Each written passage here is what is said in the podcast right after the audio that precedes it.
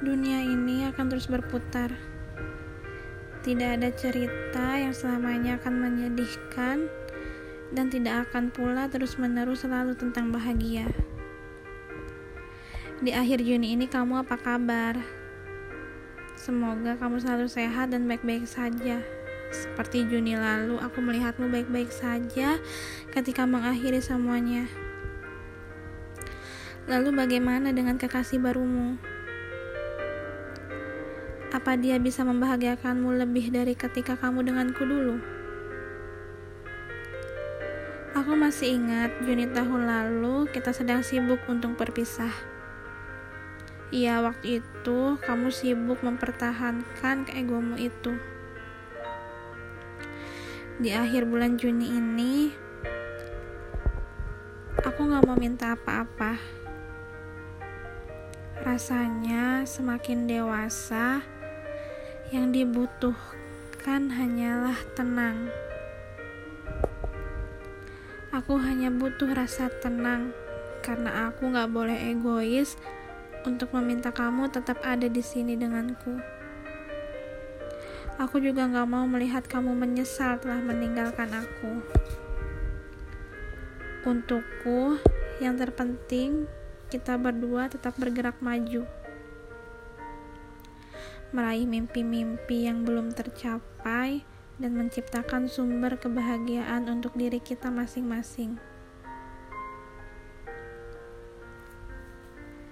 Dari cerita kita, aku sadar ternyata tidak semua perpisahan itu membawa kesedihan. Dari perpisahan kita, untuk beberapa orang jadi sumber kebahagiaan. Sebenarnya aku sudah lupa ini. Karena aku gak mau terus-menerus memporsir pikiranku untuk memikirkan cerita kita yang gak mungkin bisa diulang dan diperbaiki. Ya, walau ku tahu kamu adalah ambisi dan mimpi yang masih tertinggal, Perlahan nanti akan kulepaskan. Perlahan akan kuikhlaskan dan tidak mengungkit apa-apa yang cuma bisa menjadi kenangan. Hai Juni, seharusnya kau sudah lebih baik untukku. Karena sudah di Juni lalu aku menghabiskan seluruh air mataku tenaga dan pikiranku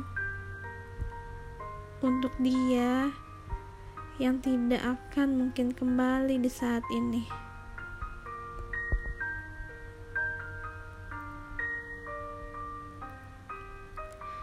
Please, membaiklah untukku.